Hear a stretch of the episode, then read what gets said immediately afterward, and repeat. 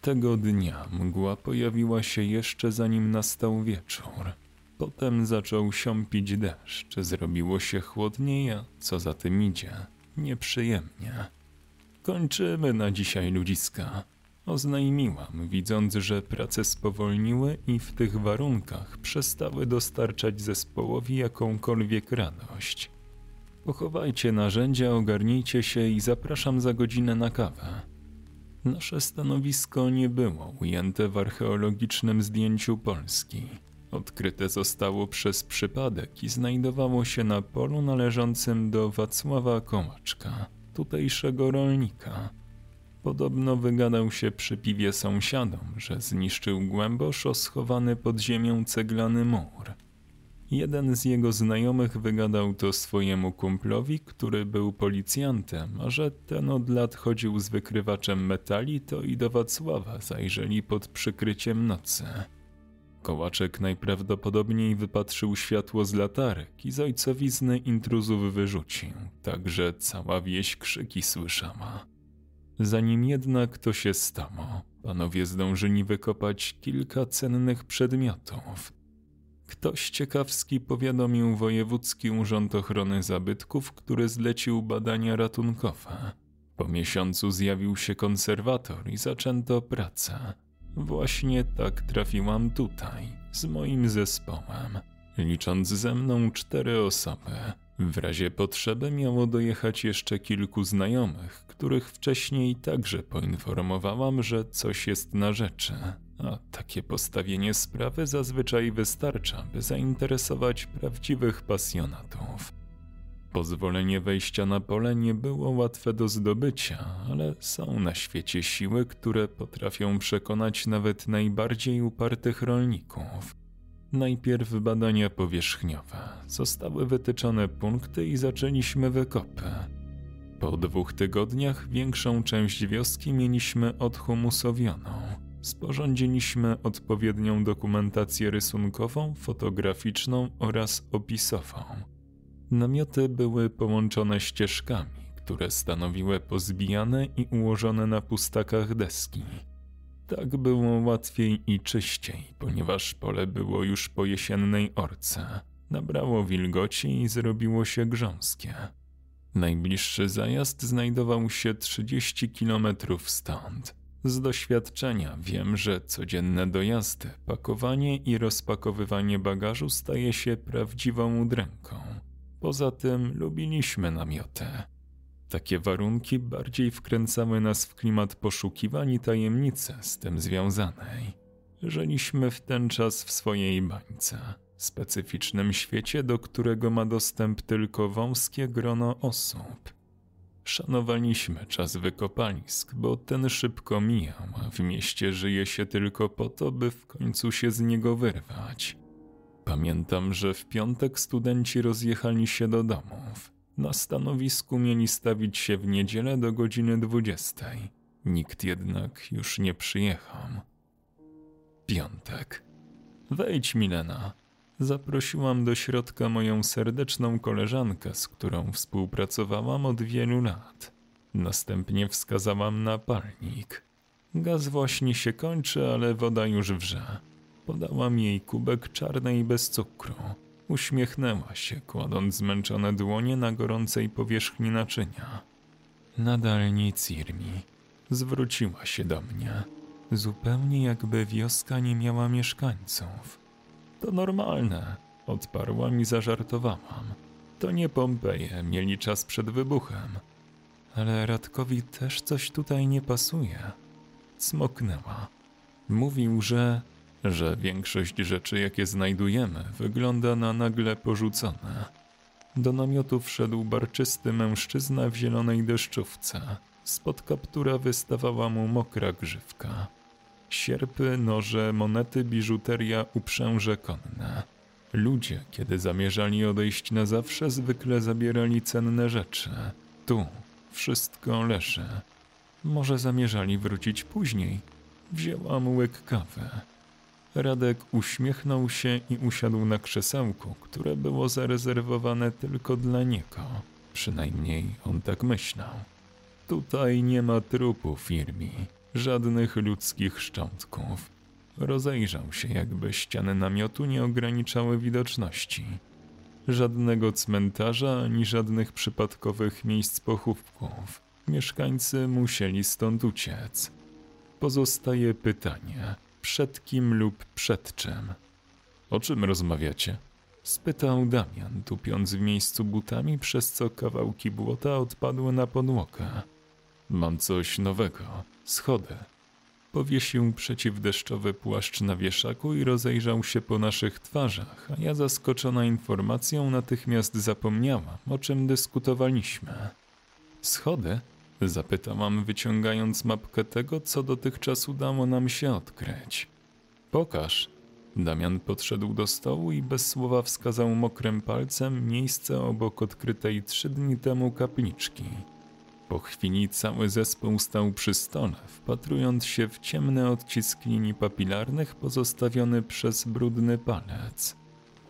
Piorun uderzył z nienacka. Musiał walnąć gdzieś blisko, bo aż schowałam głowę w ramiona. Chodźmy tam, zaproponowała Milena. Chcę to zobaczyć, zanim położymy się spać. Nie, nie, nie, nie zgadzam się. Słyszycie, co się dzieje na zewnątrz? Radek uniósł w górę ręce, jakby chciał odmówić ojcze nasz. Kolejne uderzenie pioruna dobrze podkreśliło jego zdanie, ale Milena nie rezygnowała. Tylko zobaczymy, a z rana rozpoczniemy pracę. Spojrzała na mnie pytająco, oczekując aprobaty. Dobrze, Radek, jeśli chcesz, to zostań. Zadecydowałam bez udawanego przejęcia, a kiedy wychodziliśmy, usłyszałam jak wzdycha. Super, czekajcie. Sobota. Obudziłam się chwilę przed tym, jak budzik zaczął piać niczym kogut. Zaparzyłam kawę i wypaliłam papierosa, wpatrując się w pozostawiony przez Daniela punkt na mapie. Wczoraj pokazał nam cztery kamienne schodki, które zdążył odkryć przed końcem prac. Podświadomie czułam, że to przełom. Piwnice pod świątyniami zawsze skrywały najprawdziwsze skarby, które zaliczały się do tych odkryć, jakie wywoływały dreszcz emocji i przypływ adrenaliny. Kiedy dotarłam na miejsce, chłopaki budowali już drewnianą platformę wokół wejścia do piwnicy. Nigdy z nas nie miał wątpliwości, że zejście tym właśnie było. Dobrze, że studenci wyjechali. Czuję się jak dzieciak, który pierwszy raz trafił na wykopaliska. Oznajmił z uśmiechem Damian, a potem dodał niespodziewanie. Boicie się duchów? Gdzie Milena? Spytałam lekceważąc głupie pytanie. Radek wstał, ściskając w jednej ręce młotek i spojrzał w kierunku namiotu Mileny. Pewnie jeszcze śpi, stwierdziła, po chwili wrócił do zbijania desek. Gęsta mgła od wczoraj barwiła szarym kolorem każdy element otoczenia, jakby rzeczywistość była tylko grafitowym szkicem na białej kartce. Powoli zaczęłam dostrzegać zarys namiotu koleżanki, a im bliżej byłam, tym głupsze myśli nachodziły moją głowę. Wyobrażałam sobie, jak przechodzę przez tropik i ukazuje mi się ciało Mileny, zakrwawione i brudne od błota.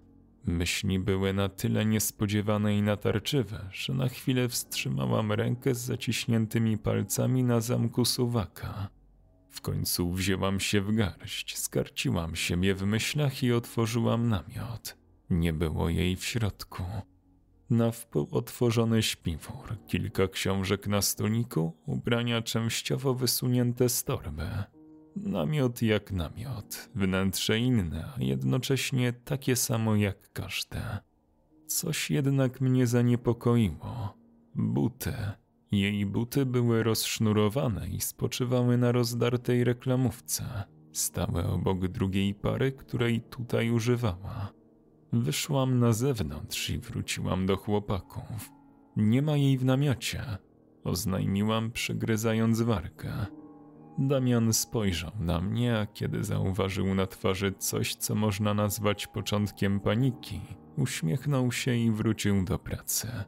Czekałam, aż coś powie, ale się nie doczekałam. Czy szukałaś jej poza namiotem? Zapytał Radek, uśmiechając się podobnie jak jego poprzednik. Przypominam ci, że mamy tutaj odkrytych 1700 metrów kwadratowych średniowiecznej cywilizacji. Zdenerwowało mnie, że robią sobie jaja. Jej buty zostały w namiocie. Spojrzałam z nadzieją, że to wzbudzi ich zainteresowanie. Irmi, przecież na pewno gdzieś tu jest. Próbował uspokoić mnie Radek. Poszukam jej, a ty pomóż Damianowi. Wiesz, pójdę z tobą. Odrzekłam. Rozdzieliliśmy się. Przez pół godziny chodziliśmy po wykopkach, nawoływaliśmy Milenę i zaglądaliśmy we wszystkie zakamarki tej upadłej wsi. Niestety po koleżance nie było śladu. Miałam wrażenie, że mgła skrywa przed nami tajemnice, nie dopuszcza nas do pewnych miejsc, a te, które przed nami odsłania, wydają się nieznane. Czułam się, jakbym gubiła drogę w dobrze poznanym już miejscu. Spróbujemy za jakiś czas, powiedział Radek, kiedy nasze drogi zeszły się ponownie. Na pewno jest jakieś racjonalne wytłumaczenie jej nieobecności. Poczekajmy, może mgła się ulotni niedługo, wtedy będzie łatwiej. Przez te wszystkie lata nigdy nie znikała bez słowa. Przypomniała mi, wróciliśmy do kapliczki oraz świeżo odkrytych schodów. I co? Zapytał Damian, kiedy dotarliśmy na miejsce. Nigdzie jej nie ma. Odezwałam się i rozejrzałam jeszcze raz, powstrzymując od dalszego nawoływania. Godzinę później ponowiliśmy próbę znalezienia Mileny, ale bez skutku. Liczyliśmy, że mgła będzie rzadsza lub całkowicie zniknie, ale stało się wręcz odwrotnie. Zgęstniała. Są drzwi. Damian wstał i wszedł na drewnianą platformę.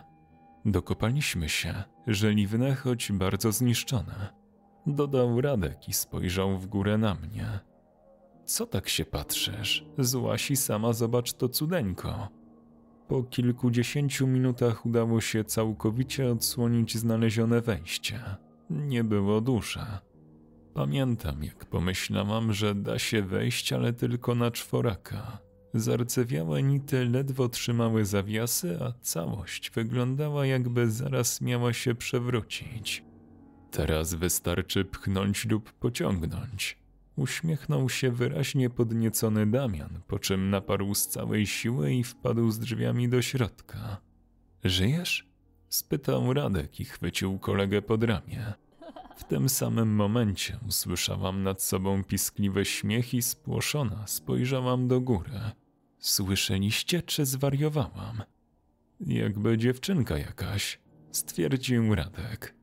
Też to słyszałem, spoważniał Damian. Patrzyliśmy tak w trójkę ponad nasze głowy z jakimś osobliwym oczekiwaniem. Chyba każdy z nas wtedy myślał, że zaraz zobaczymy Milenę, która będzie bagatelizować nieobecność. Kiedy nic się nie wydarzyło, postanowiłam ruszyć ku górze. Gdy moja głowa znalazła się nad linią gruntu, zaczęłam szukać osoby, od której mógłby pochodzić śmiech. Na początku nic nie mogłam dojrzeć. Koledzy wyszli za mną na drewnianą kładkę. Może to Milena?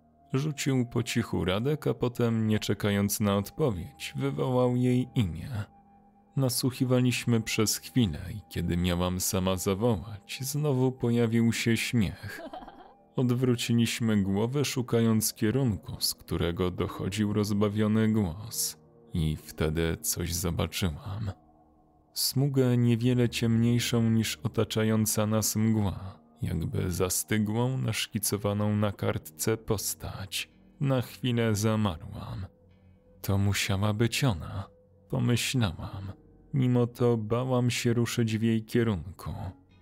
Mgła zgęstniała jeszcze bardziej. Wydawało się, że stanowi nieprzekraczalną barierę prowadzącą do innego świata. W końcu udało mi się postawić pierwszy krok, a potem następny. Zbliżałam się do zjawy.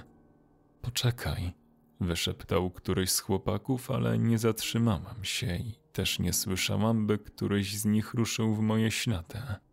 Spojrzałam w dół i zrozumiałam, że zrobiło się grząsko, to znaczyło, że zboczyłam z naszych drewnianych ścieżek i posuwam się powoli, dość niezgrabnie po nasączonej wodą ziemi.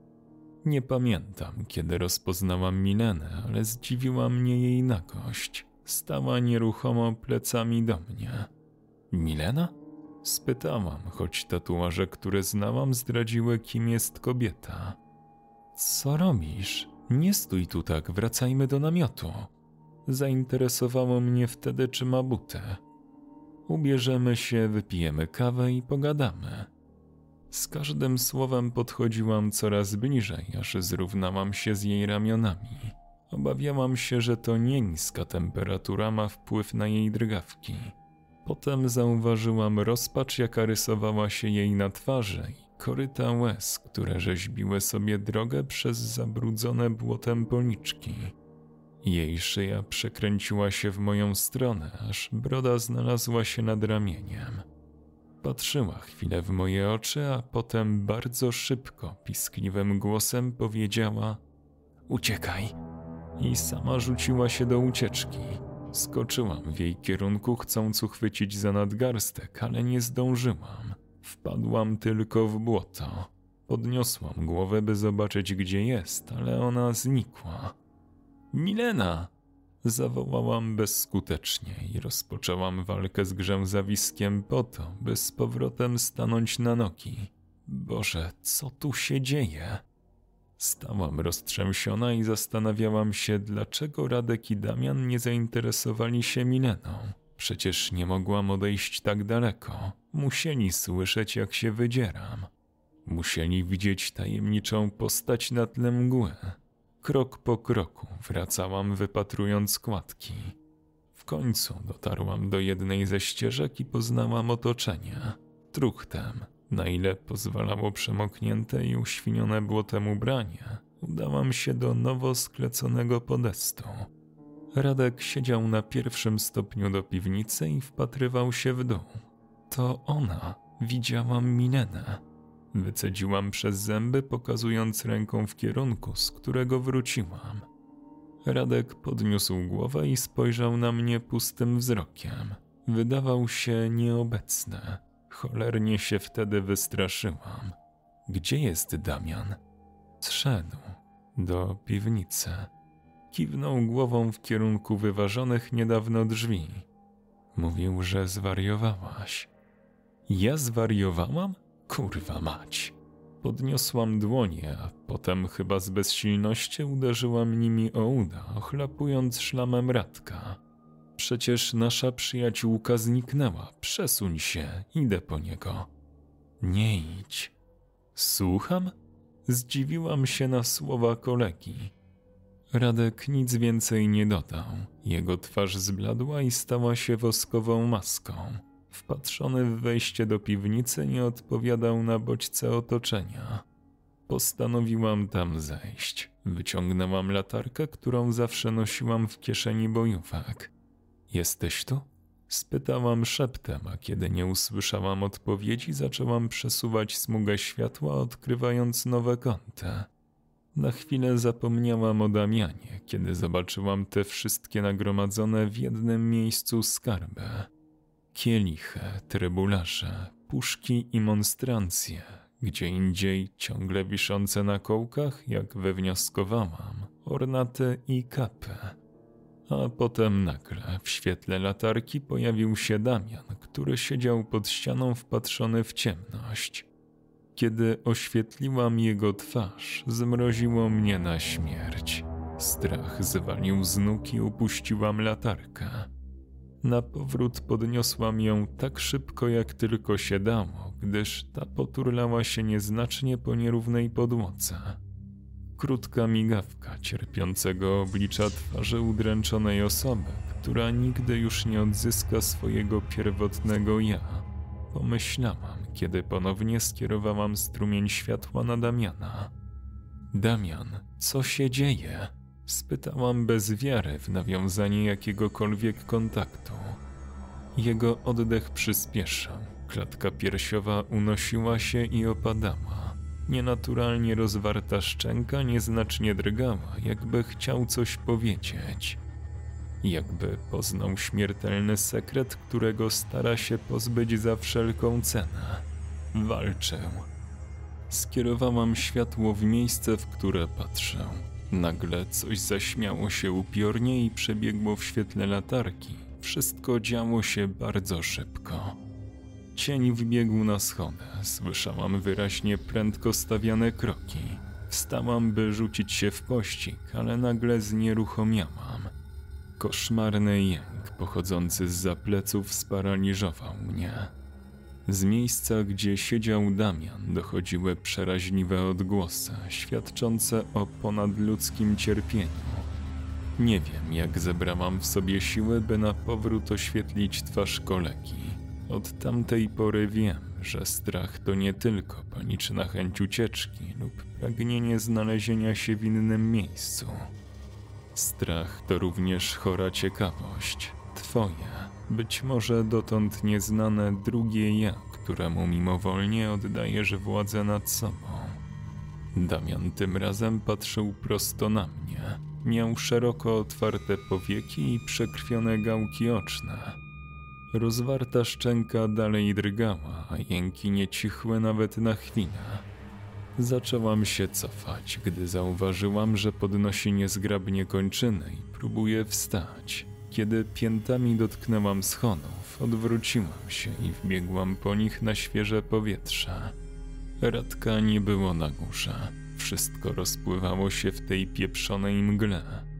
Nawet nie przyszło mi do głowy, by go wołać lub szukać. Chciałam uciec tylko do namiotu, zamknąć się w nim, a kto wie, może nawet obudzić się z poczuciem ulgi, że to tylko sen. Koszmar, których w przeszłości doświadczałam wiele. Biegłam za długo. Za każdym razem, kiedy już myślałam, że zaraz zobaczę namiot, przychodziło rozczarowanie. Starałam się wziąć w garść, winę zrzucałam na rozdygotane ciało. Jednak po kolejnych nieudanych próbach dałam za wygraną. Zatrzymałam się, oparłam ze zmęczenia dłonie o kolana i zwiesiłam głowę. Nie mogłam się ruszyć. Nie mogłam myśleć racjonalnie i po raz pierwszy w życiu nie wiedziałam, co dalej robić. To właśnie wtedy usłyszałam krzyki wielu osób i wplątany w ten zgiełk płacz. Szarość mgły zaczęła dygotać farbowana pomarańczowym światłem pochodni. Stukot kroków roznosił się echem. Rozejrzałam się, nie wierząc po chwili własnym oczom. Stałam na brukowanej ulicy. Otaczały mnie niewielkie kamienice oraz drewniane chaty. Z okien wyglądały zaciekawione hałasem twarze. Po chwili z zakrętu jednej z uliczek wyszedł wściekły tłum. Zobaczyłam wśród tych ludzi niewinną dziewczynkę. Szarpali nią i pomiatali, jak nic nieznaczącym przedmiotem.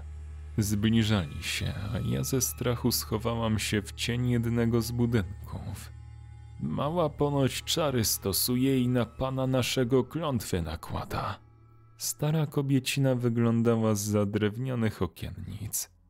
A co ty tak dziwnie wyglądasz i pachniesz? Spytała nieufnie. Byłam w szoku. Wyglądało na to, że obserwuję zdarzenia, jakie miały miejsce w badanej przeze mnie średniowiecznej wiosce. Kiedy staruszka się odezwała, spanikowałam. Oderwałam się od ściany i pozwoliłam, by porwał mnie rozjuszony tłum. Chwilę później starałam się z niego wydostać, by znaleźć jakieś bezpieczne miejsce. Jednak nie byłam w stanie. Nie potrafiłam wykrzesać z siebie tak dużo siły i energii, by móc walczyć z rzeką ludzkich nasiąkniętych potem i brudem ciał. A potem dostrzegłam małą kapliczkę, a tłum się zatrzymał. Wreszcie bez przeszkód skupiłam się na wykrzykiwanych hasłach. Spalić jędzę!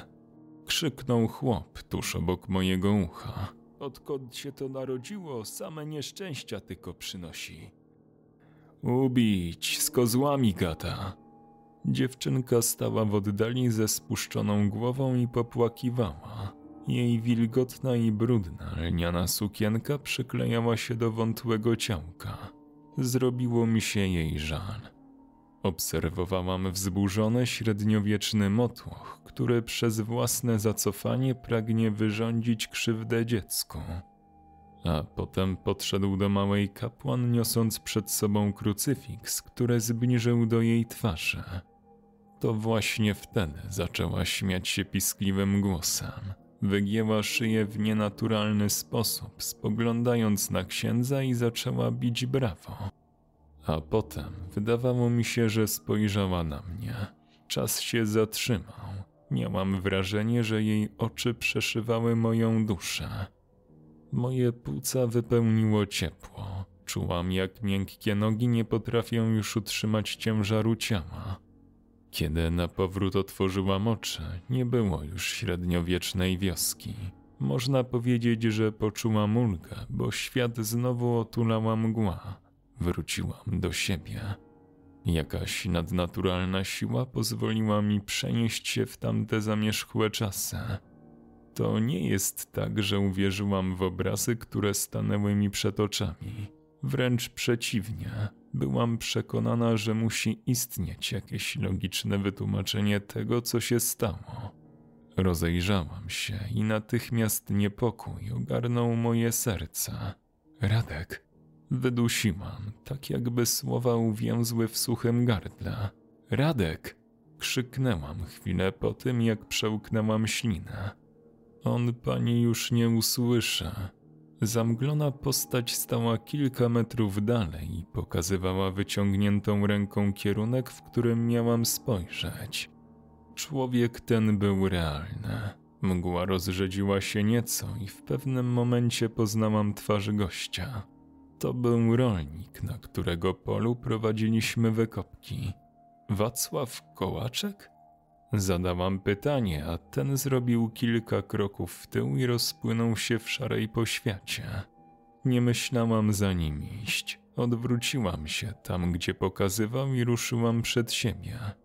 Ciało leżało w błocie, twarzą do domu. Było nakie.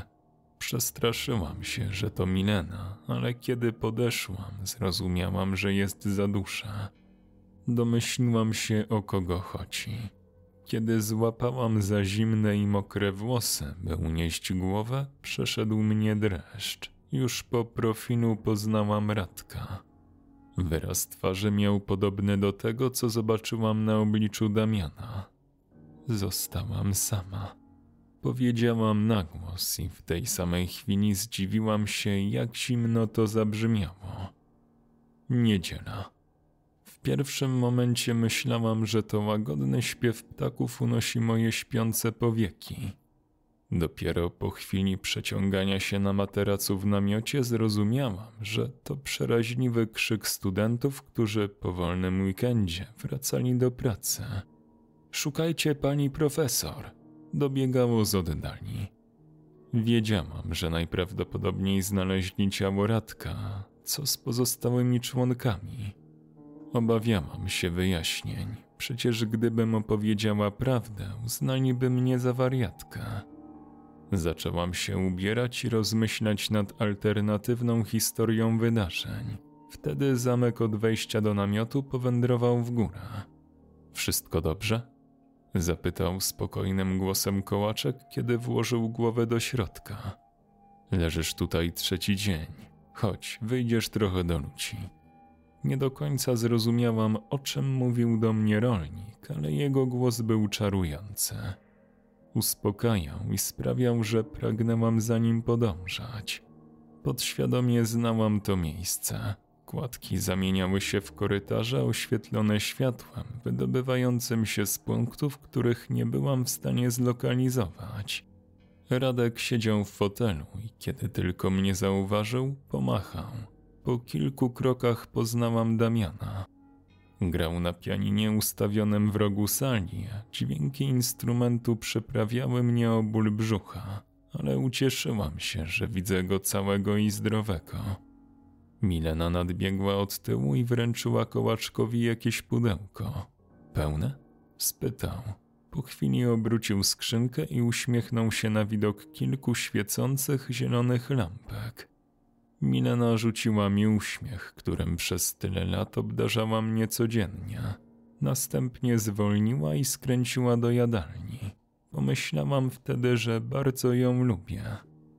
Mężczyźni w białych fartuchach zostawili mnie na sali, mówiąc, żebym była grzeczna dla siebie i dla innych Irmi.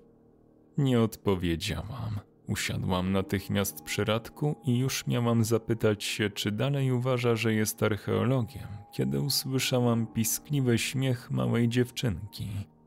Zobaczyłam ją w korytarzu. Podskakiwała z nóżki na nóżkę, a kiedy wbiegła do sali, od razu usiadła na kolana Damiana. Kurwia mnie tym śmiechem. Wypaliłam, wbijając paznokcie w materiałowe obicie fotela. Noc. Nie mogłam zasnąć w moim niewygodnym łóżku. Wierciłam się i pięścią okładałam poduszkę. Dużo myślałam nad tym, co stało się podczas mojej pracy w odkrytej niedawno średniowiecznej wiosce. Wyszłam na korytarz, by rozprostować kości. Radek i Damian spali, kiedy zaglądałam do ich sal przez okienko. Trochę bałam się, że zostanę przyłapana przez salową lub salowego. To mogłoby mieć swoje konsekwencje w postaci tabletek, strzykawek lub przypięcia pasami do łóżka. Na szczęście nic takiego się nie wydarzyło. Poczułam pewność siebie i skręciłam na drewnianą kładkę. Przepraszam, w korytarz, w który nigdy nie wchodziłam. Na jego końcu świeciło się delikatne światło. Podeszłam bliżej. Rozchyliłam drzwi, by lepiej słyszeć, ale też i widzieć to, co dzieje się w środku. Kołaczek na tle ekranów niezrozumiałych dla mnie futurystycznych urządzeń zdejmował przez głowę biały lekarski fartuch. Kiedy materiał wędrował do góry, zauważyłam, że jego całe ciało pokryte było czymś, co przypominało łuski.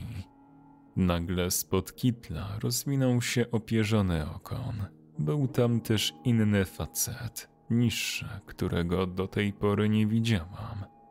Zamknęłam oczy.